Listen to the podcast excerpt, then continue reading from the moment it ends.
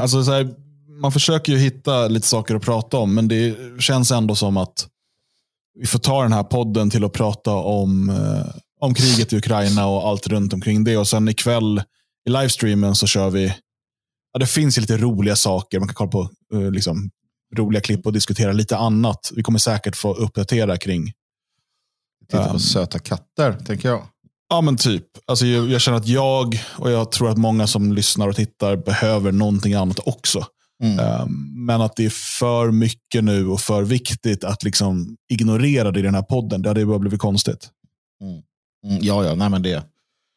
Jag märker det. Alltså, när jag är ute nu. Jag, eh, åker hand, jag gick bara in och handlade snus på en, eller sån här, ja, mitt snus. Och Nico, ja, jag har inte börjat snusa, förlåt. Det är viktigt för mig att påpeka verkligen. Uh, och direkt, uh, helt okända människor bara, den där jävla Putin, fan vi måste sända allt. Bara. Jag bara, ja fast nej, tänkte jag sen, jag kan inte säga någonting. Alltså, det, är, det är det enda folk pratar om, bara. Ja. Det finns inget annat, inget. Nej, men alltså, här är ju lite problemet, är så att jag känner att jag nästan hela mitt liv har eh, varit den här som ska försöka nyansera saker. Mm. För att det är också, helt ärligt så är det, det är också en, en, en väldigt kan man säga, o, det är en onyanserad och egentligen felaktig inställning. Alltså att det skulle vara så, eh, så svartvitt. Men, mm. men det är precis samma sak. Alltså du kan ta det i vilken situation som helst. Eh, om man tar det i eh, den gamla nationella rörelsen och typ prata om eh, här, om, om, om vi har försökt prata om så här, judisk makt, eh, judiska eh, gruppintressen och så vidare. Um, så har det ju funnits folk i vår rörelse, det finns säkert fortfarande i den rörelsen, människor som, du vet, uh, i stort sett, ah, men det är judar, de här mm. jävla mm. du vet, så fort bara, kolla han, han har ju en farmors farfar som var jude, alltså är han ett barnätande satanstyrkare. Mm. Så här, ja, jo, men alltså, det, det är inte så, eh, alltså, världen fungerar inte så, men, men människor vill ju alltid liksom boxa in saker i väldigt så svart eller vitt, ont eller gott. Och det, ja. det finns bara liksom ett perspektiv. Eh, och speciellt människor som inte kanske är superintresserade eh, av eh, politik. Jag, jag ägnade faktiskt lite tid där åt att läsa en gammal eh, ehm, pro-väst-klassiker ehm, från eh, Brzezinski, eh, som var Jimmy Carters eh, säkerhetsrådgivare. Hans The Grand Chessboard. Um, bara för att påminna mig lite grann om uh, hur man resonerade i USA och liksom så här, USA-vänlig uh, sida efter Sovjetunionens fall. Mm. Uh, liksom, vad, vad kommer hända och sådär. Och, alltså, det jag vill säga är bara att, att det finns ju väldigt många komponenter man kan ta hänsyn till för att försöka förstå. Jag tror ändå man aldrig kan få en en fullständig uppfattning. Framförallt för att du aldrig kan 100% sätta dig in i någon annans hjärna. Nej. Um, så att, men men jag, jag håller med. Jag, när jag pratar med eh, de jag pratar med här i Tyskland, det är också det är väldigt polariserat. Speciellt här i forna öst. Mm. Man, kan tänk, man skulle kunna tänka sig att här i forna DDR så är människor mer antiryska. Mm. Men så är det inte. Mm. Du har en, en ett stort mått av nostalgi. Um, och Människor, framförallt de som är 50 plus, alltså de som gick hela sin skolgång i, uh, man kan, skulle kunna kalla det ryskkontrollerad eller sovjetkontrollerad skola. Mm. De, och Det är så intressant hur det påverkas, det vi lär oss i den åldern. Hur vi ser på världen. Um, för jag märker ofta att de, de har fortfarande kvar väldigt mycket av liksom den synen på världen som de fick då. Eh, och När man inser det så förstår man ju också att vi alla har ju kvar väldigt mycket av det vi lärde oss i skolan, eller den, i den här formativa åldern. Mm. Av liksom hur ser världen ut, vad, vilka är goda, vilka är onda, eh, vilka principer ska man hålla högt och så vidare. Um, ja, men, vi, får, vi får prata om, det finns ju massor att prata om kring det här idag. Mm. och um, jag, jag, tror att vi ska, ska kunna bidra med någonting där. Eh, men först, eh, Björn, eh, du har firat födelsedag i helgen. Hur har det varit? Det har varit omtumlande. Har det varit. Det var ju... Oj, Vadå, fyllde du hundra ja. eller? det gjorde jag, så jag gick in i nytt sekel. Uh, nej, det gjorde jag inte. Jag, jag fyllde 43. 43 fyllde jag och hade faktiskt uh, glömt bort det, för jag höll på att greja med en massa andra saker och hade ingen tanke på det.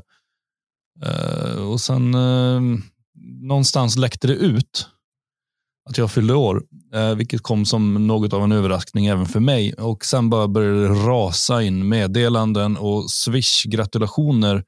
Massa penningar så här, trillade in och det var skriverier överallt. Och det var, det var, det var mm, ja, vad ska man säga? Tack alla människor. Det var, jag förstår att ni inte har kommit ihåg att jag fyllde år, men att när ni fick höra det och gick och um, um, ägnade mig en tanke var um, stort. Fantastiskt. Det var mycket bra människor det finns. Jättekul.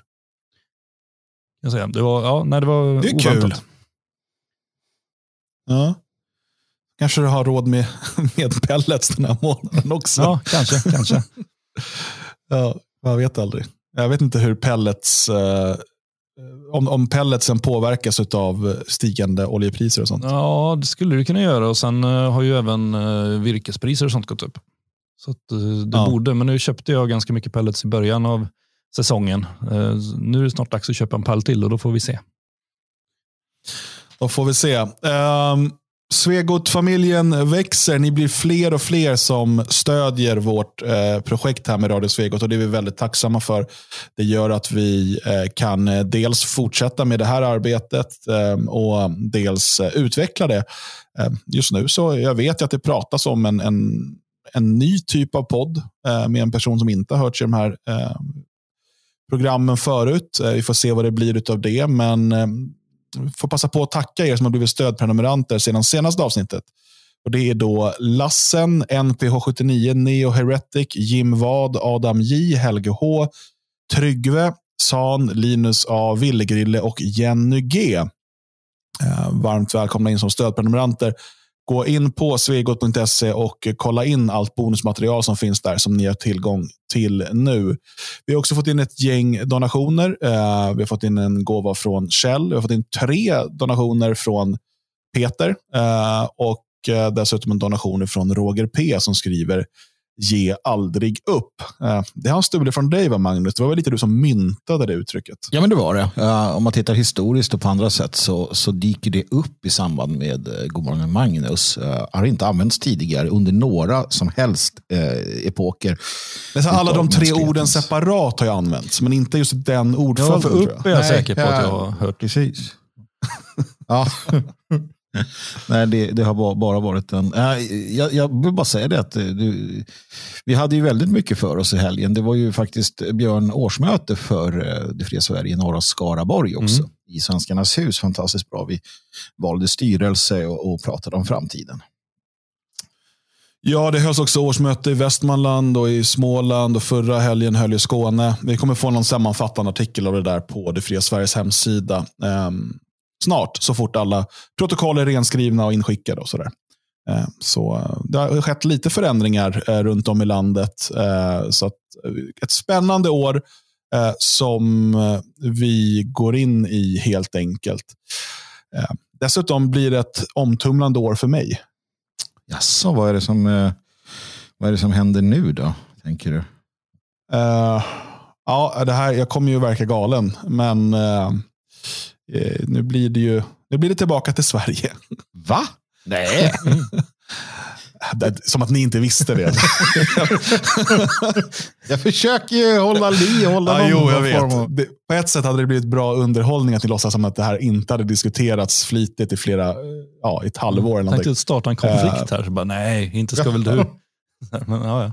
Det hade också varit jäkligt konstigt med vårt samarbete och liksom DFS-styrelsen där du sitter med Magnus. Om det, om det är nu jag berättar ja. om de här ganska stora planerna. Ja, men det ser vi fram emot. Det är ett svårt beslut och det har ju våndats en del såklart. Och, och, och så vidare. Men, men vi, ja, och då pratar jag utifrån oss i Svenskarnas hus och vi, administrationen och allting, ser fram emot detta. Mm. Så du är varmt välkommen tillbaka. Du hade ju ändå även när du flyttade ner så sa du att det här är ju liksom det som, som är målet i slutändan i alla fall. Mm. Ja, precis. Nu har det gått betydligt snabbare eh, tillbaka än vad vi trodde till en början. Och Det finns ju en massa eh, anledningar till det. Men även som du säger, det är, det, det, det är ganska eh, omvälvande i det att eh, eh vi återigen liksom sliter upp Ehm, familjen, eh, barnen och sådär som går i skola och förskola och sånt här. Ehm, min fru säger upp sig från jobbet, går in i arbetslöshet för att vi ska kunna göra det här. Förhoppningsvis hittar hon ett jobb i Sverige när vi kommer dit. Men det, sånt där vet man ju aldrig. Ehm, och Det är ju förenat med eh, eh, ganska mycket kostnader och många byråkratiska frågetecken som, som jag försöker räta ut. Men eh, vi kommer hem till Sverige i maj igen. Um, vi har ordnat med uh, nytt boende och sådär. Um, och vi kommer bo i närheten av Svenskarnas hus. Um, så att jag kommer kunna jobba uh, på daglig basis i huset. Så det ser jag verkligen uh, fram emot. och jag menar, Det här är redan klubbat och klart att vi ska hem. jag tänker ändå vara så fräck. alltså för att jag sätter mig i den här situationen nu som det kommer bli väldigt ansträngande för min familj. och Eh, helt enkelt bara sträcka ut en hand och höra om det är någon som vill hjälpa till eh, med den ekonomiska biten eh, kring flytten ehm, så är det väldigt, väldigt välkommet. Det är inget krav för att jag ska komma hem. Man måste inte. Men om man känner att ja, men jag vill gärna eh, hjälpa till så att eh, Dan och hans familj kan göra det så smärtfritt som möjligt så Uh, ja, gör så här, skriv till mig på dan.eriksson.friasverige.se så kan vi ta det där helt enkelt. Uh, så uh, behöver vi inte orda mer om det. Jag skickar ett mejl här direkt. Men det skulle vara väldigt tacksamt. det är, det, ja, som jag tror folk förstår att det kostar väldigt mycket pengar och dessutom, ja, eftersom att min fru säger upp sig från sitt jobb så sätter vi oss i en ganska orolig situation. och Det skulle om inte annat lugna min fru som också lämnar sin familj här och så. Och sen känner att jag kanske kastar ut henne i ett lite väl osäkert läge, tycker hon. Men, men det är ändå tur att, att det är lugnt i omvärlden eh, ja. när detta sker ändå. Att vi har att det egentligen inte händer något speciellt utan vi, vi har allting är förutsägbart. ja. Ja, nej, det, det, så är det absolut. Det känns som att när flyttlassen väl ska gå upp i maj eh, så kan det lika gärna pågå fullskaligt krig på europeiska kontinenten. Ja, det, det är känslan. Ja, dels det ja, och sen en ny coronaepidemi kan ju dyka upp som stänger alla gränser. Och, okay. 20 mars skulle det komma ett virus, var det sagt. Ja, vi får väl se om det håller sig. Då. Ja, men det är lite trångt nu vid ukrainsk-polska gränsen så att ja. det kommer inte liksom fram. Allting, allting är lite grann påminner, för, för att jag mm, jag sitter och skriver en artikel till eh, Svensk Strävan som man får om man är med i det fria Sverige. Uh, och, och, jag hade lite svårt att komma på något för det är så mycket om det här kriget nu och Magnus sa att skriv om någonting helt annat. Eh, hitta någon glad dikt och utgå ifrån den och så skriver du något trevligt. Och jag hittade en glad dikt som jag började och så började jag skriva så här, men jag läste aldrig klart dikten dessvärre. Utan jag gjorde den nyss uh, och det är en dikt av Gustaf Fröding då som jag tänkte, ja men det var trevligt så här, liksom. det var lite grann så här skit i allt och kör på. Så av sista, sista versen där håna livet när det hånar.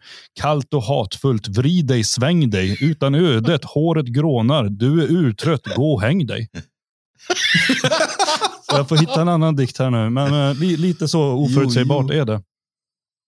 Men det är svårt med eh, svensk så här, nationalromantik som man själv ändå uppskattar den dikten. Det är ju mycket krig. va? Mm. Uh, det är ju soldatgossen och det är alltid mot Ryssland också av någon anledning som allting handlar. Mm. Svea och det är öster i röster och hemskt och, och samma sak med Engdahl. Och, uh, det är mycket. Det, det, är som att vi har, har någon sån här aversion mot uh, det stora landet. Ja, det är som att det funnits någon mm. form av konflikt där tidigare. De har legat och pyrt. Ja, eh, Eh, jag tänker att vi idag då i podden ska prata om dels eh, ska man säga, de senaste dragen eh, till viss del ifrån både EU, eh, eller väst eller hur man nu vill kalla det, eh, samt då Ryssland eh, med allierade.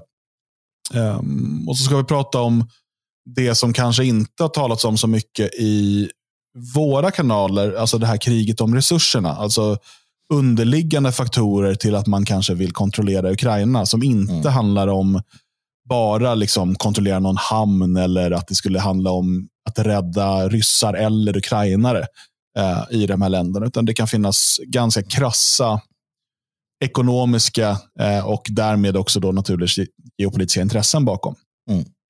Um, och uh, även då hur propagandakriget ser ut från båda sidor. Eh, och så skulle jag vilja att vi avslutar idag med en, eh, en diskussion, precis som vi har gjort när det handlat om de här coronarestriktionerna. En principiell diskussion eh, i vilken typ av samhälle vi vill eh, leva. Eh, för att jag, det, jag tror inte man får glömma bort det i det här när, när alla ska sitta och Eh, bli som geopolitiska experter och, och se på världen som ett stort schackbräde. Eh, men det finns ju en, en, en, verklighet där bakom också som, som vi bör förhålla oss till. Mm. Eh, så det, det är lite vad vi har tänkt att prata om i podden idag. Så att om vi bara börjar så här. Vi hade en extra sändning i torsdags kväll och vi har fått både ris och ros för den. Ehm, jag har eh, mest ros, eh, men en, en eh, ris till exempel från en god vän till oss alla som tyckte att det var lite för flamsigt och sådär. Ehm, jag ursäktar det med att det är formatet på våra livestreams. Ehm, det är så vi gör dem. Men jag kan förstå det också att man kanske tycker att situationen är för allvarlig för att man ska flamsa bort det för mycket. Och Det kan jag ha full respekt för. Samtidigt, vi är oss själva och eh, vi eh, bör inte förändra det åtminstone.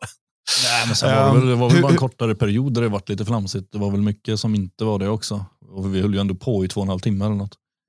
Ja, vi tenderar att pendla mellan eh, högt och lågt även när det är som mest allvarligt. Ja. Um, hur har ni upplevt nu de här uh, fyra um, dagarna, eller tre dygn åtminstone, tre och ett halvt dygn sedan vi hade den här äh, extra sändningen. Uh, har, ni, uh, har ni kunnat släppa liksom, nyheterna eller, eller hur, hur, har, hur har det varit? Ja, för egen del så har jag väl gjort det ganska mycket tror jag. Eller jag, jag har försökt för att det händer så väldigt, väldigt mycket på väldigt kort tid och, och lite grann känns det som att jag kan inte påverka det och det är inte värt varför ska jag hålla mig uppdaterad på senaste förflyttningarna och det senaste som har hänt? Då är det ju bättre att uh, försvinna ut lite grann och sen sammanfatta efter ett par dagar vad som har hänt och titta efter. Sen är, eh, sen är det klart, man, man har ju sett eh, mycket. Det har ju varit ett betydligt starkare avståndstagande mot Ryssland än vad jag trodde det skulle vara. Så även från folk som tidigare har varit ganska ryssvänliga. Det, det, folk tycker inte om det här. Det är ju tydligt. Eh, men just nyhetsmässigt så har jag faktiskt försökt gå ut i skogen utan telefon och sånt där istället för att samla tankar på ett större sätt och sen kunna återkomma när, när ja, inför det här till exempel. Då. Mm. mm. Ja, men jag tycker att man gör, jag gör ungefär lite samma sak. Dels är jag ingen eh, så kallad MÖP. Eh, jag är inte så där vansinnigt intresserad av eh, militär alltså militärindustrin eller vilka vapen som används och, och hur liksom, man avancerar och taktik på det sättet. Så att uh, jag, jag nöjer mig med att, att, få lite uppdateringar här och där. Uh, sen sen jag, jag har valt att titta med, med jämna mellanrum, uh, har vissa så här där jag går in och tittar för att orientera mig om, om, om det sista som händer, då, eller det sista som har hänt. Och Det där kan ju faktiskt också, det beror lite grann på också att jag för första gången någonsin faktiskt känner att det här kan sprida sig på ett sätt som, som definitivt inte är önskvärt. Vi har ju haft tidigare Eh, eh, krigstrummor som det har slagits på och liknande, men, men den här magnituden eh, så, så känner jag att man också av det skälet för att kunna förbereda sig själv och sin familj och föreningen och hur vi går vidare med allting behöver hållas uppdaterad som till exempel när eh, kärnvapenhotet kom här om sistens eh, så, så var det en sån sak som jag, jag är glad över att jag fick veta ganska eh, omgående. Mm. Jag har lagt ganska mycket tid i helgen på att prata med eh, vänner inom Europa Terra Nostra och i vårt, vad ska man säga, i vårt um, utsträckta nätverk. Mm. Och Jag är positivt överraskad över eh, inst alltså så här. Eh, dels så pågår det ju Eh, en hel del arbete för att hjälpa ukrainska flyktingar. Mm. Um, och Det arrangeras eh, bilar och minibussar och allt möjligt som åker till gränsen. Eh, och Det är inte helt liksom, så random att man bara plockar upp första bästa ukrainare vid gränsen. Utan eh, vi har ju goda kontakter också i Ukraina mm. som berättar att ja, men nu kommer um, den här uh, familjen um, som liksom behöver hjälp och, och de kan liksom gå i god för att, men, vilka de är och så vidare.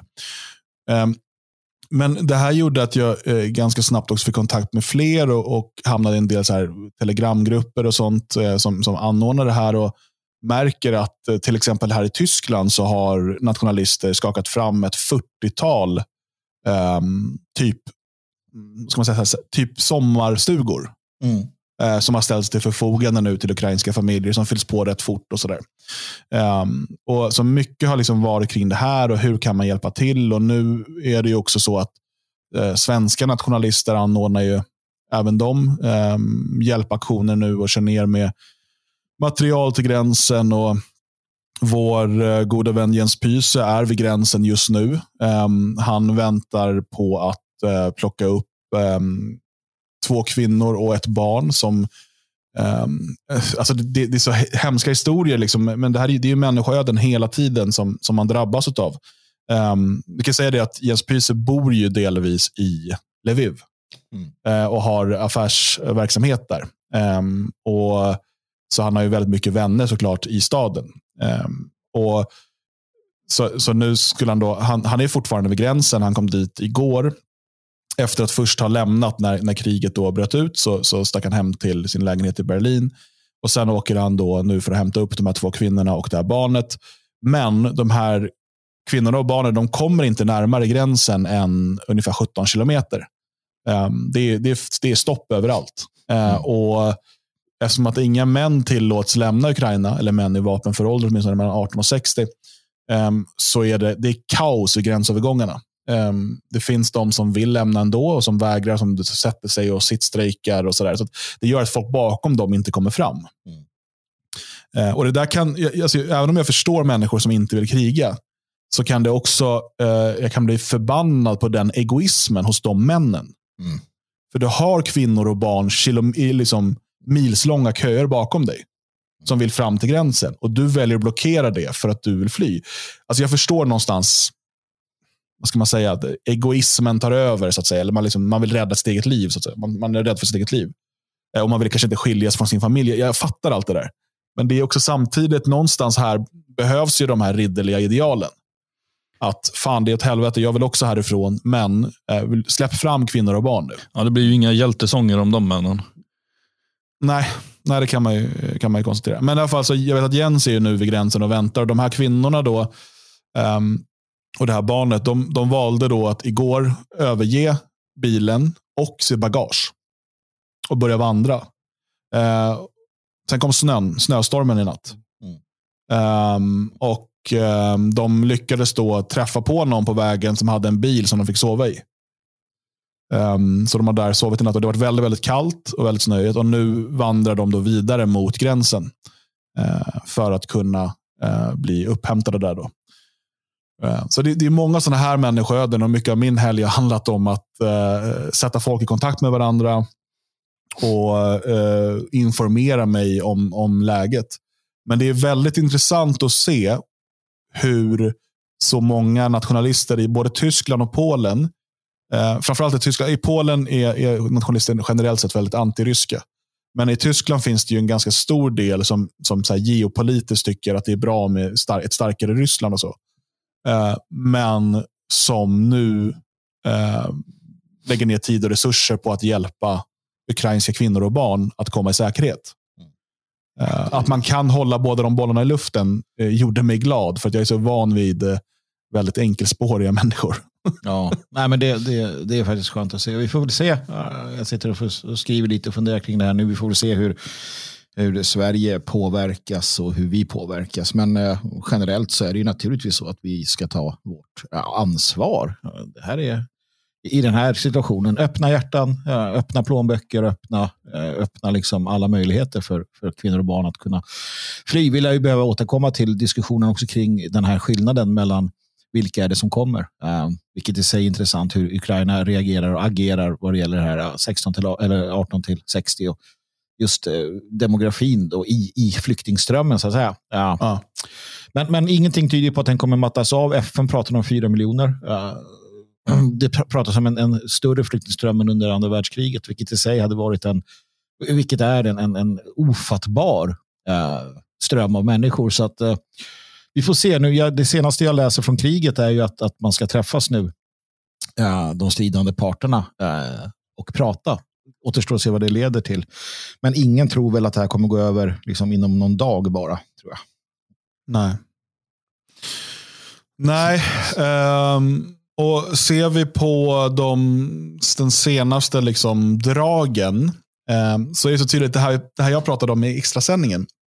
De olika eh, strategierna. Mm.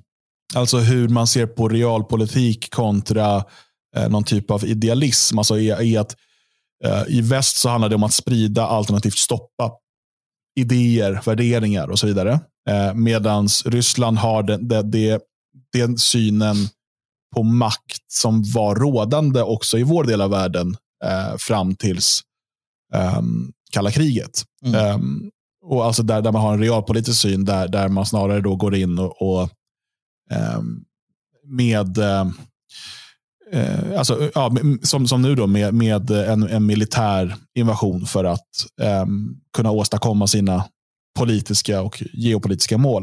Mm. För att uh, vi ser då hotet från Ryssland eh, och Vitryssland om, om kärnvapen. Mm. Um, men vi ser hur EU uh, säger att genom då Ursula von der Leyen att man ska förbjuda Sputnik och RT. Mm. Eh, och Man talar också om hur man ska snabbare kunna få in Ukraina i EU. och Det där kommer vi återkomma till. Men om vi börjar då med, med Ryssland och eh, Vitryssland här. Ehm, man man liksom hintar om att man förbereder sig för att använda kärnvapen om väst tjafsar emot för mycket. Tomma tunnor eller allvarligt hot? Jag tycker man ska bara titta på det lite. Jag tycker det är intressant nämligen att, att eh, det kommer det hotet efter att Ryssland i princip stängs av från Swift-systemet. Det vill säga att eh, de blir, de blir så upprörda över att inte få vara med i den, i den eh, finansiella världsordningen att, att de hotar med kärnvapen. Ehm, bara det är intressant. Jag tycker att Ryssland borde ha byggt upp en alternativ bank och infrastruktur. Och, och, jag känner lite grann att det verkar som att man har underskattat vad, vad EU eller vad, vad liksom västvärlden är beredd att göra i, i den här situationen. Det känns lite som att hotet om kärnvapen är att eh, man blir lite tagen på sängen. Eh, för att det är ändå, ja, efter att ha hotat om det, vad finns kvar? Att använda det. Alltså, det finns inte så mycket mer däremellan. Därför blev jag, alltså jag tappade lite grann, alltså min syn på Putin kom att förändras ganska mycket när han efter fyra dagar eh, och eh, med orden eh, eh, eh, liksom det, det, tillåts aggressiva uttalanden mot, mot, eh, mot Ryssland. Därför ska vi ett, sprida kärnvapen ännu mer då till att det ska hamna i, i Vitryssland som inte haft det sedan Sovjetunionens fall och att eh, vi eh, liksom är beredda att använda det. Eh, I princip genom att ställa dem på, ja, höja beredskapen. Det för mig eh, förändrade synen på, på Vladimir Putin. Så här enkelt är det. Man gör inte så. Eh, man gör inte så. Han hotar den vita världen med kärnvapen. Det är min syn på det. Jag skiter i geopolitiken och, och, och de aspekterna. Det är bara att inse. Han säger att jag är beredd att skicka kärnvapen över hela det vita västerlandet om ni inte gör som jag säger. Jag reagerar väldigt dåligt på den typen av, av hotelser. Ja, men Putin skiter fullständigt i om, om det är vitt eller svart. Precis. Alltså, kan, vi, kan vi bara liksom förstå det? Det är också en sån sak som jag önskar. Kan vi inte bara förstå det en gång för alla? Um, alltså folk som tror att Putin är någon typ av vit nationalist, finns de ens? Det tror jag nog. Tyvärr. Men eh, ja, det är inte, den diskussionen kan vi vänta med. Uh, alldeles oavsett, alltså det gäller, för så här är det också. Vi brukar ju alltid dra det ett steg längre. Eh, om du nu uppskattar mm, den geopolitiska, alltså det, problemet är att den, den multipolära värld som kommer att följa efter detta, den är inte bra för oss heller. För det vi ser, och det är väl det här som jag någonstans känner, är ju att det som Putin har gjort nu, det är att han, han har ju sett till så att våra försök att hålla, ut, hålla oss utanför NATO, det, det är bara att glömma. Alltså, han har gjort allt han har kunnat för att förstöra hela vår vilja att ha en tredje position och, att försöka få åtminstone Sverige att vara utanför liksom NATO och liknande. Um, men det kanske du vill leda in oss på lite senare, så att jag, jag väntar där. Uh, så säger jag med det. Mm. Jag vill bara tillägga där att både Ryssland och Kina har ju alternativa system till Swift. Um, I Kina så har du CIPS och mm. i uh, Ryssland så har du SPFS. Och uh, Det finns uh, en artikel jag skickade till er från Russia Briefing från januari i år. Där man talar då om att man ska sammanlänka de här just för att man ska bli mindre beroende av USA. För man ska mm. också veta det att Swift-systemet, där är det ju dollarn som är mm. um, som grundvalutan. så att säga. Så att alla internationella transaktioner um, genomförs egentligen i dollar. Mm. Um, så att det ligger ju egentligen också i, och om man på allvar vill konkurrera ut USA som, som världsmakt, mm. så bör man ju hitta alternativ till, till Swift. Alltså för, jag säger ur Ryssland och Kinas perspektiv. Och De har byggt sina egna då interna system mm. i landet eh, och nu sammanlänkar det. Mm. Och det här, eh, vi kommer att prata sen om det här om resurserna och så vidare. Men jag ser det här också som ett steg just mot att Ryssland, eh, Kina och ett antal stater till då um, frigör sig, eh, inom, det beror på hur man ser det, men frigör sig från liksom, den amerikanska världsordningen. Mm. Um, och, och, att det är det som sker nu. Och då blir Ukraina väldigt viktigt. Men återigen, här vi, nu pratar vi ju återigen geopolitik. Mm. Men det finns ju också den, den här realpolitiken som drabbar just nu människor i Ukraina. Men på olika sätt oss alla. Mm. Som man också måste ta hänsyn till. För att världen är inte bara ett schackbräde. Mm. Eh, tycker att man, man måste komma ihåg det. Och Det är dessutom så, om vi tar det ur ett eh, perspektiv hos den, den normala ryska eh, medborgaren. Eh, som till exempel driver ett företag som handlar med väst. Mm. Som nu drabbas av de här sanktionerna, som nu drabbas av då att man klipps av från det internationella banksystemet i form av Swift.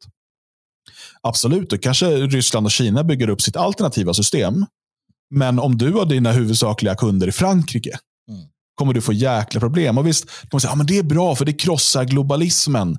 Nej, eh, snarare så det krossar eh, den, vad jag ser, den positiva delen av globaliseringen. Mm. Globalismen är en, är en ideologi, en tanke om liksom hur världen ska utvecklas. Men att vi kan handla av varandra över hela världen ser inte jag som något negativt. Utan snarare som någonting som kan driva mänskligheten på ett större plan framåt. Mm. Men det, det, det, är ju det som också blir bekymret nu. Uh, I och med att man gör det här, vi kan ju se vart det barkar här.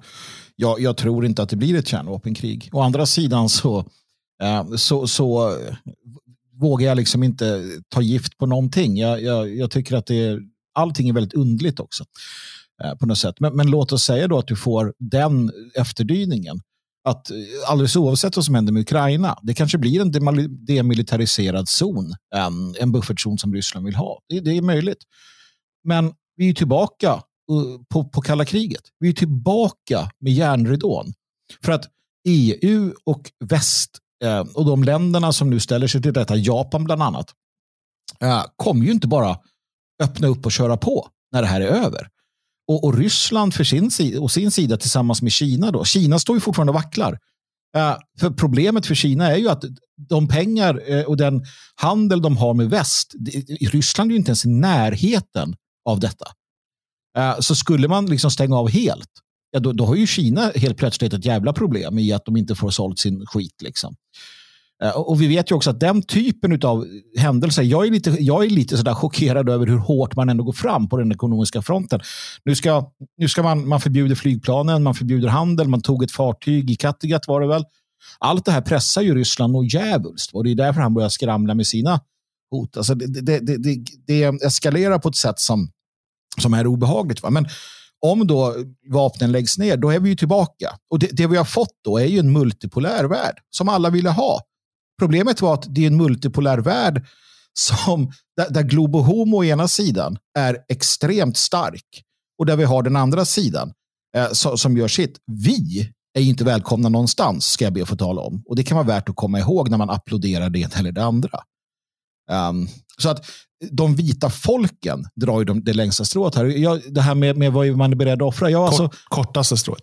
Kortaste strået. Det beror på vad som händer. Ja, det beror på vad man kom överens om innan man drog strå. Nej, men så här äh, tänker jag. Äh, att hade det varit så att okay, de vita folken blir för evigt äh, de vita folken och den vita civilisationen äh, kommer att stå fast. Då är jag beredd att offra nästan vad som helst. Äh, men i de här scenarierna som vi ser nu så är det ju vi som drar det där strået som inte är bra att dra. Uh, och, och, då är frågan hur mycket som är värt att offra för det. Uh, så nej, jag vet inte. Uh, jag, jag, ser bara, jag ser oss som förlorare. Liksom.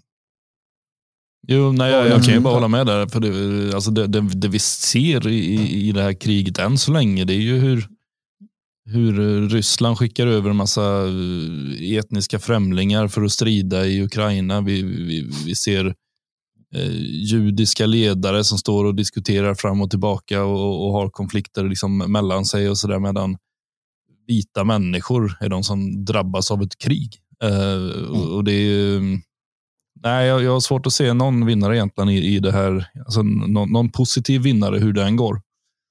Dessvärre.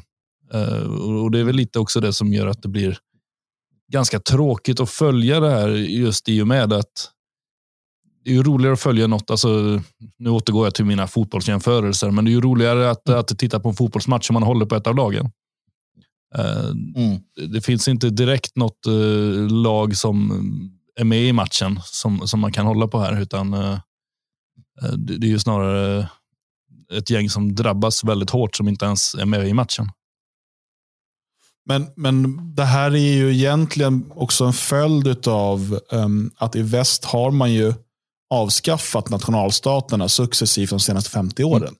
Mm. Um, genom mångkulturaliseringen, massinvandringen uh, och så vidare. Så att det finns ju inga, i Västeuropa, uh, Centraleuropa finns några undantag, men, men generellt sett Västeuropa då, um, finns det ju egentligen inga nationalstater kvar i den meningen och det finns inga vita länder i den meningen att det liksom är 99% vitt. så att säga. Mm. Eh, de, så att de länderna som vita stater kan inte riktigt hävda sig på det sättet. De är alla mångkulturella liksom, ekonomiska um, områden. Ofta då anslutna till EU, mm. NATO, um, liksom, Världshälsoorganisationen, Världsbanken, FN, alla de här sakerna. Um, så att, eh, och det, det är ju här vår analys och vår syn på svenskarna då till exempel, som, som ett folk utan nationalstat, eh, blir, eh, blir avgörande. Och våra strategier, så, så, länge vi inte har en nationalstat som vi kan eh, där vi kan liksom rusta upp ett försvar, där vi kan liksom på så sätt försvara oss själva på det sättet så måste vi förstå att det kommer finnas makter, eh, alltså politiska makter, större än oss som kommer träta och bråka. Vi behöver ju överlevnadsstrategier i den världen. Mm. Eh, precis, som, och, precis som att andra folk genom historien har fått hitta överlevnadsstrategier i en värld som, eh, som har förändrats. Det finns en anledning till att till exempel perserna inte arabifierades som resten av Mellanöstern. Mm. Um, det finns en anledning till att judar har kunnat överleva i liksom himla massa olika länder uh, och liksom behålla sin identitet och känsla av gemenskap och så vidare. Det, kurder är ett annat sådant exempel. Och det är liksom, Inget av de här tre folken kanske är något vi vill bli. Men, men, men, det gäller att förstå att det här är, de här folken har lärt sig att leva uh, och liksom att överleva. För att när jag nämner de här tre folken så kan jag också, skulle vi också kunna nämna hundratals folk mm. som har raderats ur historien eh, när andra folk har antingen invaderat dem eller de har upp, liksom, med, över generationer då uppgått i ett större rike och liksom, tappat sin identitet. och sådär. Um, och jag menar, ska vi dra det längre, det är ett annat program, men då skulle man ju också kunna liksom, att, att svenskar är ju också en, en, så att säga, en, en flera identiteter som har uppgått i det svenska och så. Mm. Men um, vi har ju inte liksom den, den, politiska makten eller möjligheten att um, på något sätt hävda oss i den här typen av konflikter.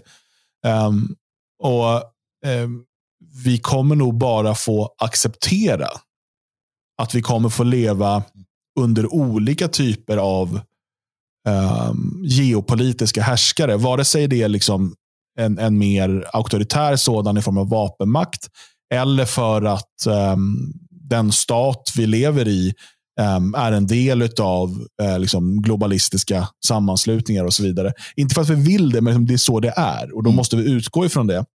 Uh, och, och inse att vi har i dagsläget inte makten att förändra det. Men hur lägger vi strategin för att kunna förändra det om, om några generationer? Ja, men det, det är därför vi måste, ett, sluta dras med i det eviga. För det där märker jag, jag börjar själv nu sakta men säkert ta bort allt som handlar om eh, på sociala medier och liknande, när, när, folk som envisas med att bara då föra den här re, geopolitiska diskussionen, och, och, det är från båda hållen. Jag är helt ointresserad av de människorna. Eh, som å ena sidan då, eh, det är liksom, å ena sidan att Ryssland är liksom någon frälsning och å andra sidan att det inte är och så vidare. Eh, för att det där spelar ingen roll. Och att hänga upp sig på detta det, det är meningslöst. Utan det vi måste göra är att ta det humanitära eh, perspektivet, det humanistiska, det nya humanistiska perspektivet, dels då vad det gäller eh, de här människorna som, som är på flykt nu. Det är att titta på situationen i Ukraina, titta och lära av det, det, det försvars, den försvarsvilja de visar. Vad bygger den på? Hur har det här folket eh, kunnat ändå uppbåda detta försvar? Och då menar jag inte med vapen, utan jag menar rent mentalt, det som faktiskt pågår. Eh, som jag tror de flesta är lite förvånade över, bland annat på grund av att de är då homogena. Det, det är en av orsakerna, så är det faktiskt.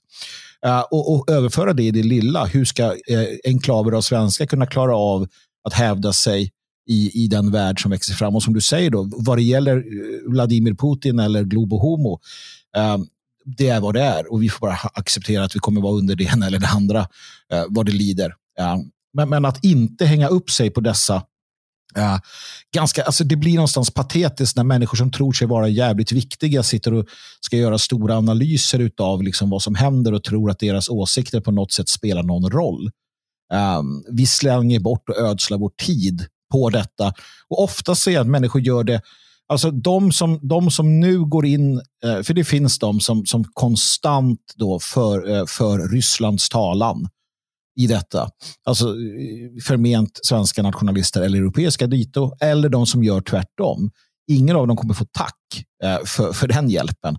Ehm, utan de slösar värdefull energi som skulle kunna, gå ur, kunna användas till att stärka eh, liksom, det, det fria svenskarnas eh, överlevnad och försvarsvilja generellt sett och européernas för den delen. Det tycker jag vi ska satsa på och inte sitta och älta eh, liksom geopolitiska eh, ja, spörsmål på det sättet. Mm. Nej, alltså det kan ju vara liksom akademiskt intresse på ett oh ja, sätt. Oh ja. och, och, sådär, och, eh, man kan ha det som någon typ av specialintresse, men vi måste ju också inse vår plats i, i hackordningen någonstans. Ja. Um, och, och liksom var vi befinner oss. Uh, och Vi kan försöka förstå vad som händer och varför. Um, ja. Framförallt för att det, det finns ju så oerhört mycket det är så oerhört mycket propaganda. Vi är ju mitt i ett eh, propagandakrig också. och Det är ju inget som började nu med liksom bomber i, i Luhansk eller så. Utan mm. det, det, har ju pågått eh, alltid egentligen. Så länge det har funnits eh, kommunikationsmöjligheter så har det funnits propaganda. Mm. Eh, och Det gäller att förstå vad propaganda är och, och hur, det, hur det påverkar en. Ett av de senaste dragen från EU då är ju, uh, Ursula von der Leyen säger att man ska förbjuda Sputnik och RT. Mm. Uh, och att de ska inte få sprida sin, uh, sina lögner för att, um, ja, om, om, Putin och sådär. Um, och så säger, hon säger så här på engelska. Då, so we are developing tools to ban their toxic and harmful disinformation in Europe. Och Jag ställer mig frågan, hur? hur har Ursula von der Leyen tänkt göra det här? Mm. Um, för att absolut, de kan göra som, som Tyskland här, um, här om månaden bara förbjöd ju RT. Mm. Uh, alltså man stoppade RT från att sända i det tyska tv-nätet. Mm. Men uh, jag tror att de allra flesta tar del av RT via internet. Okej, okay, inte i Tyskland för de är tekniskt efterblivna, men i resten av världen som liksom har fattat internet. Um, och Jag såg att en, en om det var chefredaktören på Sputnik sa det, att ja, men passa på att förbjuda hela internet när du ändå håller på. Mm. Uh, för att hur ska det gå till? Och det här, det här gör mig orolig. Man måste förstå här också att uh, vad du än tycker om Sputnik och RT och tycker ja men det där är skit, jag läser inte det ändå. Förbjud dem. Mm. ja, men om det betyder att man går in då och blockerar eh, till exempel via nätet på något sätt, så som man har blockerat barnporr. Alltså det finns ju den typen av och ja, du kan säga man kan gå runt det så här. Och så här. Ja, jo, men 99,9 procent kommer aldrig göra det. Um, men om man nu gör det, om man går in och stoppar på äh, RT och Sputnik på nätet, um, vem är nästa? Mm. Vilka, varför inte använda det argumentet för att stoppa de som sprider missinformation om flyktingar eller om kriget i Syrien eller om vad som helst? Ja, men det är där de kommer passa på. Det är där vi måste hela tiden eh, vi måste, precis som under covid-pandemin, eh, vara de som tittar på det här. Det, det, är vår uppgift. Vi kan inte påverka krigets utgång i princip. Vi kan inte rapportera sanningsenligt mer än i, i viss liten, liten mån kanske. Då, då blir vår uppgift att titta på vad våra egna ledare gör i detta. Ehm, och det ska vi göra och vara väldigt aktsamma, för nu passar man på såklart. Saken är också den att hon beter sig, och jag, jag kan förstå att man blockerar. Man kan bli, jag förstår att man blockerar fiendemedia. Men gör man detta och fortsätter man så här, då är det ju i akt och mening så att EU går i krig med Ryssland. Mm. Att man betraktar Ryssland som, en, som, som att man är alltså i... För annars så, så, så, så ser jag det som att både Sputnik och RT måste vara under yttrandefrihetsidén liksom, mm. innan man är i krig. Um, och är man i krig, då förbjuder man naturligtvis fiendens sändningar. Uh, då kan man få ha dödsstraff på det, naturligtvis. Uh, så fungerar krig. uh, men men det är vi väl inte i? EU är väl inte i krig med Ryssland, uh, hoppas jag. I sådana fall är det mer än vad jag man vet. har sagt i alla fall. Nej. Så Fast, nej, det är... I akt och mening är man väl det? Ja, det är där, där tvistar de lärde. Uh... Men om du skickar vapen till en stridande part i ett krig. Mm. Ja. Om du förbjuder um, media från en part i ett krig. Mm. Så att de som bor som sagt, jag vet inte hur de rent tekniskt ska göra det här, men om man då skulle lyckas på något sätt att stoppa RT och Sputnik från att mm. nå um, EU-medborgare, mm. eh, samtidigt som man använder EU-medborgarnas skattepengar mm. för att skicka vapen eh, och, och eh, militärmaterial mm. till en sida i en konflikt, då är man ju en del av kriget. Ja, man, man, man stöttar ju. Alltså, det är här, som sagt, man har inte skickat någon krigsförklaring. Men det är här också det finns liksom olika syn på vad som är då när man är i krig helt enkelt. Men som, som sagt, jag ser det ju som att man höjer hela tiden nivån uh, i Europa och från NATOs sida. Uh, så att det till sist liksom, uh, det räcker med en underskrift. Uh, men man känner hela tiden man kan säga att nej, vi är inte i krig. Uh, men, men, men, man säger så här då, generellt i ett krig så har man ju uh, sett det som ett legitimt militärt mål att slå ut till exempel tillverkning av krigsmateriel. Mm. Um, om Sverige skickar 5000 pansarskott till Ukraina mm. och de här tillverkas i Sverige, vore det då inte legitimt för Ryssland att spränga de vapenfabrikerna i Sverige?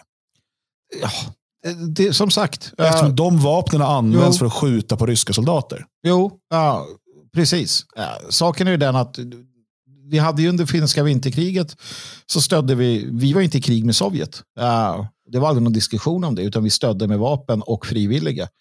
Um, så att det blir ju det som blir frågan. Men visst, Ryssland skulle kunna ta det och säga att Nej, men nu, nu, nu gör ni så här, därför så fortsätter vi. Och därför mm. så bombar vi Europa. Men då hade man ju å andra sidan sedan länge då kunnat sagt att nej men då bombar vi Ryssland. Alltså man har ju någon form av ordning i att proxykrigen är okej okay att stötta endera sida. Mm. Um, problemet är att det är väldigt nära oss nu. Nu är det Europa, nu är det Ukraina, det är inte Afghanistan eller något liksom Mellanösterland, utan nu är det här. Um. Så att jag är inte heller någon möp. Jag är inte sådär eh, superintresserad. Jag, jag tror in, men jag tror ju inte att, att liksom Ryssland har resurserna och möjligheten att gå vidare längre in i Europa eh, i någon större utsträckning. Eh, nej, det känns att, inte så. Eh, nej, men då, om vi går tillbaka till det här eh, propagandakriget. För att det, är också, det finns ju helt olika berättelser om vad som, eh, vad som pågår nu. Eh, och i väst, och det kan göra mig så jäkla trött, de här vi har inte haft ett sånt här krig i Europa sedan 1945, eller 41 eller 39. Okej, okay. NATO bombar Serbien. NATO, alltså Serbien ligger i Europa. Belgrad ligger i Europa. Ja, ja. Som man bombar och mördar barn och civila för att etablera en muslimsk stat i Europa. Mm. 1999. Och så sitter man och låtsas nu som att det inte har hänt. Vi har inte haft krig i Europa sedan eh, andra världskriget. För det räknas inte. För då var det de goda som mördade barn och kvinnor. Mm. Men det var ju också att, eh, som sagt, propaganda är intressant. Uh, då, eh, då, då, var det, det är allianser och vi har kommit överens om detta. Och, du vet, det finns en massa sådana svepskäl. Huruvida det var så eller inte, det är en annan sak. Men, men det är verkligen just så tydligt som du säger. För att USA var ju USA. Det var ju, det var ju den supermakten som, som, som gjorde det. Mm. Uh, tillsammans med några andra. Uh, och nu är det en annan supermakt som, som tar sig friheter.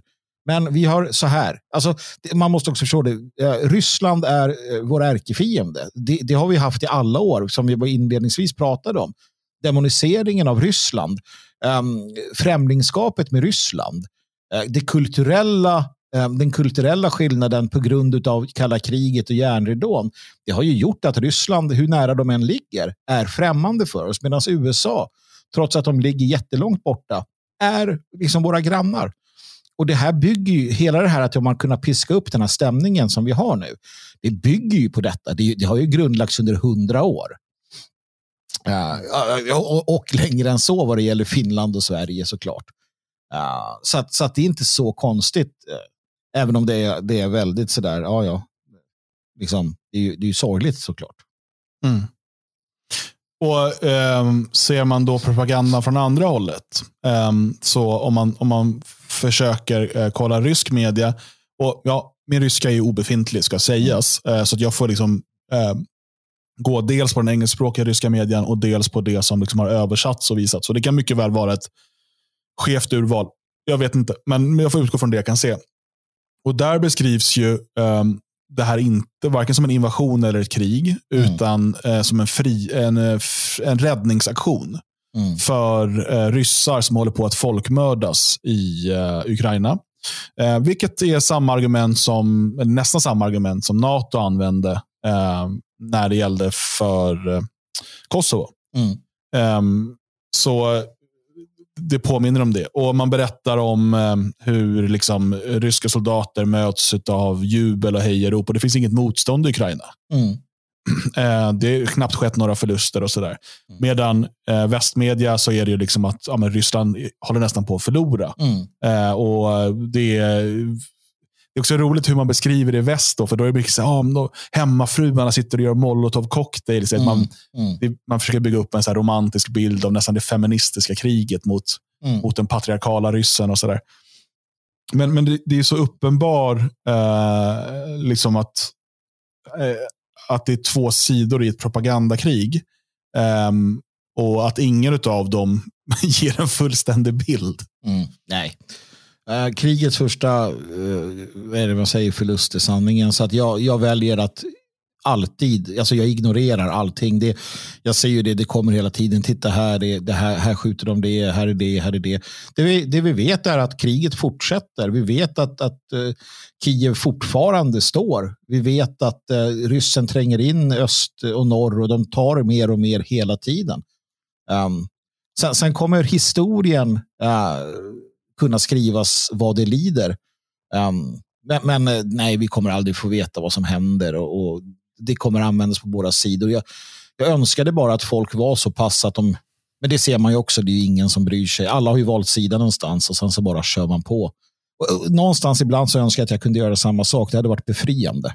Det hade det varit. Att så bara kunna anamma en sida och bara ja, köra det är på mycket enklare. Och jag menar, även historieskrivningen efteråt kommer ju vara eh, två olika, eller fler, Ja, men, ja. men eh, huvudsakligen två olika. Och den ena kommer anammas eh, i vår del av världen och den andra i, i Ryssland och däromkring. Och, Mm. eh, ja, på så sätt så spär man ju också på konflikterna inför framtida konflikter för att Mm. man är så pass osamstämmiga i vad som har hänt och inte hänt. Mm.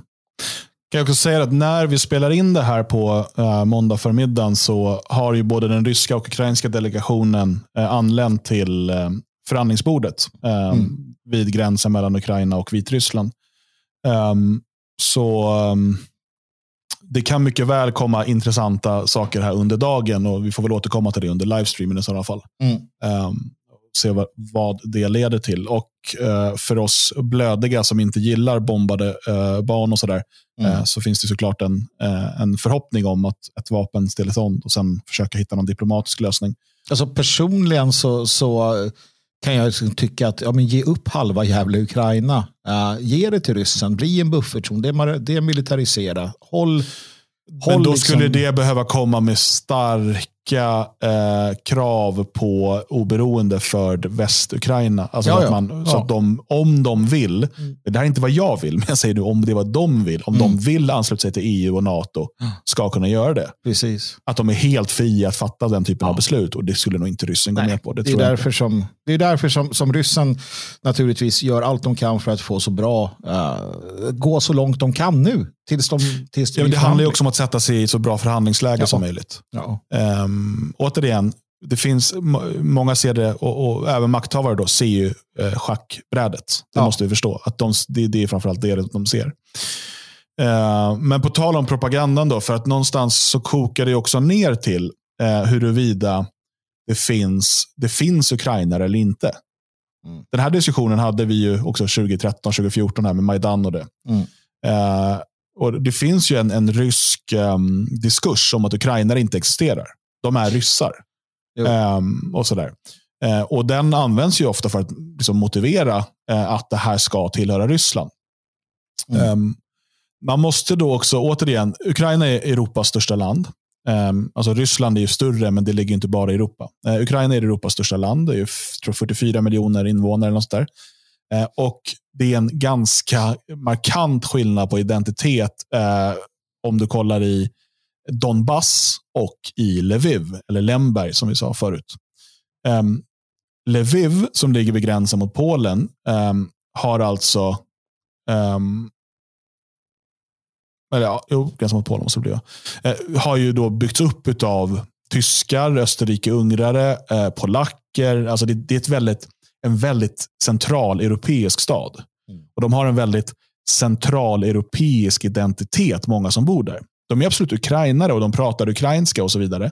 Men de ser sig historiskt och nu som en del av det som vi slarvigt kallar för väst. Eh, och Detsamma kan säkert inte sägas om de eh, som idag bor i ehm, Donetsk. Eh, det, det, det är väldigt svårt att jämföra med. Och Saken är ju den att nu har man ju gått in och, och bombat i Lviv. Mm. Alltså i, i eh, vad som på alla sätt historiskt, kulturellt, arkitektoniskt, identitetsmässigt är en central och därmed det man slarvigt kallar för västeuropeisk stad. Mm. Ehm, och skulle man tilltvinga sig genom en, en ockupation eh, då hela det som idag är Ukraina, eh, så alltså jag tror inte man skulle klara av det för att man skulle, det skulle bli gerillakrig i årtionden framöver. Men, men ehm, man, måste liksom, man måste skilja på de här. Det, det, det är så oerhört.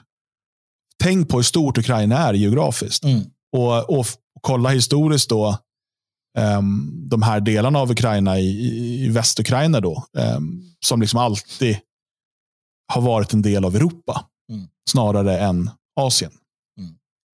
Ja, det, det verkar ju också som, för jag menar, vi har inte sett några, förutom de här Luhansk och där, där vi har haft de här separatist, eh, jag, jag har inte sett några direkta liksom, grillakrig mot, mot den, den ukrainska regimen i Östukraina heller. Jag får för mig att det som har varit nu senaste åren, det är ungefär att man är rätt nöjd. Alltså att de som känner sig som ryssar eh, har liksom kunnat vandra vidare till Ryssland eller till de områdena eh, och så vidare. Men att det, att det på något sätt är, är nöjda med det. Jag vet inte. Ja. Jag, jag, vet inte så mycket om landet i sig, så, att, så det är svårt naturligtvis att, att avgöra mm. vem som känner sig som vad. Liksom. Mm. Ja, och sen men utifrån en nationalistisk princip. Jag menar, det finns en ukrainsk identitet och, eh, och de människorna ser sig som ett ukrainskt folk. Eh, och de är språkligt, kulturellt eh, och eh, till viss del även då etniskt särskilda från ehm, ska man säga då, den, den ryska ehm, identiteten. Det finns ju en rysk identitet utöver den här ryska federationsidentiteten. Alltså en, en vit rysk identitet så att säga. Uh, men uh, och de skiljer sig åt. Och, och därmed, som en nationalistisk princip, bör det folket ha självbestämmande mm. över liksom, sin, sin, framtid. Jo, men det är alltid svårt också när det är i och med att ja, det, det, är väl ganska uppdelat, men det är ju ändå inte helt uppdelat. Just, det bor ju folk på båda sidorna och överallt och det blir ju alltid någon som hamnar i kläm. Liksom. Så att, uh, ska man bryta loss en del och säga att nu är ni ett eget folk så sitter det ju lik förbannat folk som identifierar sig som ukrainare där. Mm. Så att, uh, någon helt enkel lösning går ju aldrig att få. Och det är ju, det är ju bara att titta på vad som kommer hända i, i Sverige i framtiden när, när, vi har så pass många olika identiteter här och folk vill börja bryta sig loss till sina uh, enklaver så, så kommer det bli totalt kaos. Om några generationer mm. när, när alla befolkningsgrupper har bott här i säg 100 år eller 200 år. Det kommer ju inte bli lätt. Jag vet Magnus, du måste hoppa ur den här inspelningen snart. Eller har han gjort ja, det? Han har gjort det. Ja, han har gjort det. han skrev för en stund att han kommer behöva göra det. Uh, han väntade nämligen uh, på lite besök. Uh, men jag, jag, tänker att du och jag, Björn, vi måste ändå prata om det som vi pratade om, Sara nämnde till en början, alltså det här kriget om resurserna. Mm. och för att ibland så, eller väldigt ofta är det så att man, man startar krig och bedriver krig med eh, eh en, en, en förevändning. Alltså att man säger att det handlar om det här och det här och det här. Eh, och det är det som folk oftast tror att det handlar om. Då, men det kan finnas många bakomliggande orsaker. Eh, till exempel då det här, eh, i Ryssland så säger man ju att ja, men vi ska gå in för att eh, det pågår ett folkmord på ryssar i, i Östukraina. Det har man ju sagt som, som, som ett, ett skäl. Eh, I väst har man sagt att vi måste stå upp för demokrati och yttrandefrihet och sådär. Eh, som de här fina orden man alltid använder. Samtidigt som man då förbjuder RT och Sputnik. Och, så. Um, och eh, Samtidigt som man då stöttade eh, liksom, revolutionen, eller vad man ska kalla det för, 2014. Um, som ju faktiskt avsatte en demokratiskt vald president. Ja, men det är olika um, hur, man, ja. hur man gör. För han var dålig och så vidare. Um, och, och, och, De här svepskälen är ju det som folk tror att det står emellan. Uh, I Ryssland, uh, ja, fast sen har man ju då fått en helt annan bild av vad de andra vill beroende på vilken propaganda man hör. Men om vi tittar på uh, vilka resurser det faktiskt finns så blir ju det också väldigt intressant. Vi vet ju att en stor del av framtidens makt ligger i energi och produktion av elektronikkomponenter. Alltså energi behövs ju eh, bara, både för att värma hus och så vidare, men också för produktion. Mm. Eh, och eh, Kina och Ryssland har ju stora tillgångar av både gas och olja, framförallt gas. Mm. Men, men även stora tillgångar av olja. Men det behövs också naturresurser för att tillverka eh, de elektronikkomponenter som blir allt viktigare i vår vardag. Alltså allt ifrån alla, från bilar som tillverkas till mobiltelefoner och så vidare är ju beroende av halvledare som är en viktig grundläggande elektronisk eh, komponent. Eh, och Man har ju senaste åren här talat om halvledarbristen. Eh, mycket på grund av, ehm, officiellt då, på grund av eh, kraschade leveranskedjor och så eh, i coronapandemins spår. Eh, och Det här har ju gjort att eh, man har fått ställa in produktion. Ehm, jag vet att eh, min eh, svärmor, de har ju gått ner, de gick ner på sån här korttidsarbete för att de hade, fick inte in halvledare för att kunna producera där i fabriken där de arbetar. Eh, så det var inte så att de inte hade beställningar och kunder, utan de hade inte halvledare för att kunna producera det de skulle producera. Och Grundläggande för att producera halvledare är bland annat neon, ehm, som är eh, gas. Va? Ädelgas. Äh, ädelgas. Jag har lärt mig korsord. Och, och en låt med Lena Philipsson, Dansa i neon. Men, men, det är inte det som man behöver tror jag. Lena Philipsson behövs för halvledare.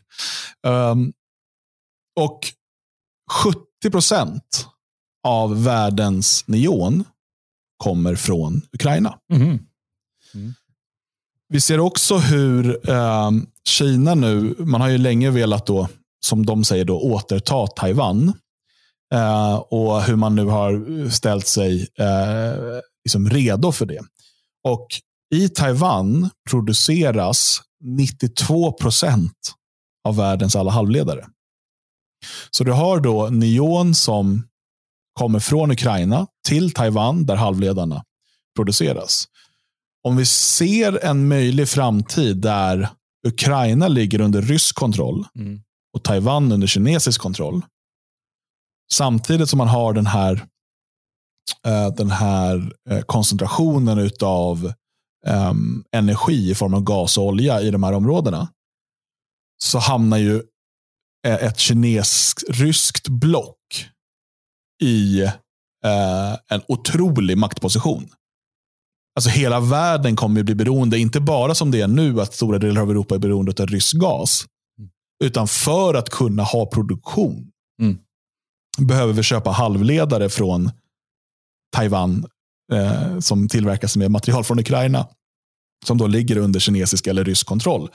Um, och när vi pratar om kriget i Syrien, eh, alltså en viktig del här var ju att, man, att väst vill ju dra gasledning genom Syrien ifrån Qatar tror jag, eh, upp till Europa för att då kunna sluta handla gas ifrån Ryssland.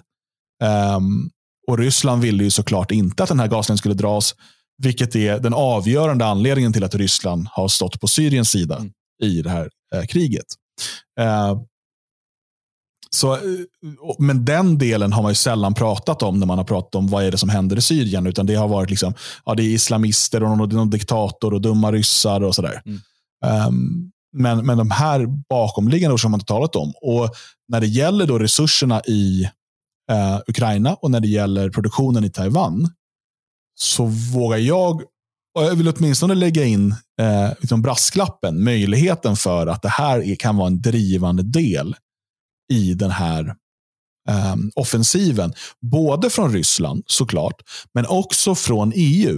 Uh, eh, varför man agerar på det sättet man gör nu. Nu pratar man ju om ett snabbspår in i EU. Framförallt ett snabbspår in på den inre marknaden. Mm. Uh, så man vill, man vill då få in Ukraina i EU. Uh, eh, Ursula von der Leyen talade om det senast idag, tror jag det var. Och Det är klart att EU känner till de här naturresurserna också och hur viktigt det är för produktionen i EU. Ja, det kommer ju inte som någon överraskning sen. Som, Jaha, har ni det också?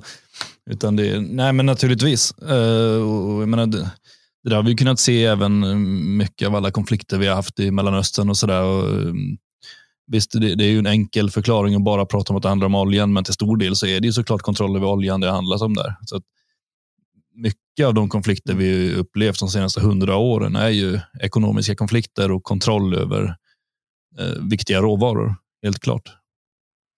Så att, mm. um, det, det, är nog ingen, jag tror väl någonstans att ryssarna uh, och Putin framförallt är mer intresserade av det än, än av det, rys ja, det ryska folket som bor i Ukraina. Om man ska hårdra mm. det. Mm. Ja, nej, och um, det här, jag vet inte om det här är ett perspektiv som kanske kommer komma upp mer i, i debatten framöver. Men det är ju åtminstone en av liksom flera faktorer till att vi ser det vi ser idag. Och, och som man måste ha med i, i beräkningen där. För att jag tror att speciellt i väst så har nog många människor en bild av, alltså vi, vi har ju den där propagandan från, från kalla kriget. Och vi tänker Ukraina, men det är väl bara massa ruiner och vet, gråa betongblock och mm. eh, fattigdom och misär. Eh, vilket inte är sant. Om du liksom, Kiev, eh, vi sa Lviv tidigare, det finns Odessa och så vidare. Det, det är vackra städer. Eh, det finns massa eh, härlig kultur. Det är liksom, eh, och Samma sak gäller ju med Ryssland. Mm. Moskva, Sankt Petersburg och så vidare. Otroliga städer med otroliga, um, otroliga civilisationer. Um, och eh, Samma sak gäller då naturresurser i de här områdena. Det, det är ju, det är ju länder som eh, har, som, som har liksom, eh, är efter i, en ekonomisk utveckling av massa olika anledningar. Inte minst då Sovjettiden och, och kalla kriget. Men eh, eh som sitter på otroliga möjligheter till att kunna bli starka blomstrande ekonomier. Eh, tack vare de resurser man har och, och, i grunden också det folkmaterial man har. Det, det är liksom europeiska civilisationer. Um, och, och, och, men man kan ha den här bilden av att det, liksom, det är bara misär och grått och det finns väl ingenting att hämta där.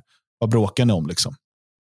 Um, men så är inte fallet, som sagt. Neon, eh, superviktig eh, råvara i, i produktionen av bland annat då halvledare som, som i sig är grundläggande för i stort sett all modern elektronisk eh, produktion. Ja, och det är ju ingenting som kommer minska vårt behov av det. Liksom. Så det är ju klart att... Eh, Nej, tvärtom. Ja, tvärtom. Så det blir ju, alltså har man kontroll över elektroniken så, så har man ju ja. kontroll över allt i princip. Ja. Kombinerar man det med dessutom kontroll över gas och stora delar av oljan mm. uh, så sitter ju alla andra och bara äter ur dina händer. Ja. Jag sa i början att vi skulle ha den här principiella diskussionen. Nu när Magnus var tvungen att lämna så kanske vi ska skjuta på den. Uh, antingen ta den ikväll eller i ett framtida program. Ja, det är ju han som har principer. Ja, fast han biter dem hela tiden. Ja. Jo, jo. Fast han har bara en åt gången. Ja, och den är benhård. ja, vi kan prata skit om han när han inte är här. ja, det är sant. Jag passa på. Eh, den som vill höra eh, mer av Magnus kan ju lyssna på senaste Bonuspodden eh, som handlar om hans tid i Svenska motståndsrörelsen, SMR. Det blev nästan två timmar eh, om eh, hur han gick med, vad det var för typ av organisation. Interna konflikter, sekterism, framgångar, motgångar och eh, utträdet. det var väldigt intressant. och Det finns ett gäng bonuspoddar att höra på svegot.se för att få tillgång till dem blir du bonus, eh, eh eller säga stödprenumerant. Blir du. Eh, och du väljer själv hur mycket du vill bidra med i månaden. Eh, från 50 kronor i månaden och uppåt. Så får du tillgång till allt bonusmaterial och du gör det här möjligt. Du som är medlem i Det fria Sverige, glöm inte att anmäla dig till årsmötet den 19 mars. Eh, anmälningarna har öppnat på friasvenskar.se. På friasvenskar.se har också en ny grupp startats. Det finns en, ett gäng olika intressegrupper beroende på vad man liksom vill nätverka kring. Det finns lite om jakt och det finns lite allt möjligt sånt där. Men nu har en som kallar sig för Fria kvinnor. Um, som då gäller för kvinnor i föreningen som vill ha kontakt med varandra. De har ett gäng uh, chattgrupper om uh, mödraskap och om uh, massa olika saker.